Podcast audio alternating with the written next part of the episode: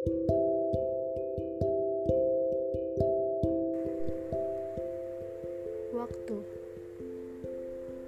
kita dipertemukan oleh waktu saat itu,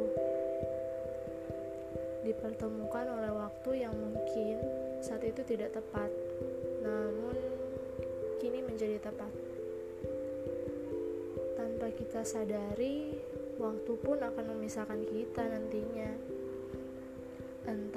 Besok, lusa, minggu depan, bahkan bisa jadi saat ini. Itu semua hanya waktu yang tahu. Oh iya, mengenai waktu, belakangan ini aku dikejutkan dengan beberapa kejadian yang tak kuduga-duga loh. Yang membuatku berpikir bahwa waktu itu sangat berharga dan sangat penting. Apalagi waktu kita untuk orang-orang yang kita sayang dan kasihi.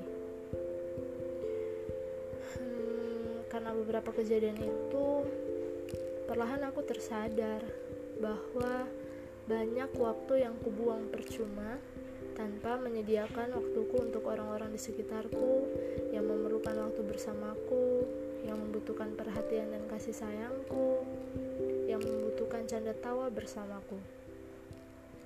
Dengan kejadian itu, aku berusaha untuk menghargai waktu yang kumiliki bersama-sama dengan orang-orang yang ada di sekitarku. Agar kelak ketika waktu memisahkanku dengan mereka, tidak akan ada rasa penyesalan nantinya.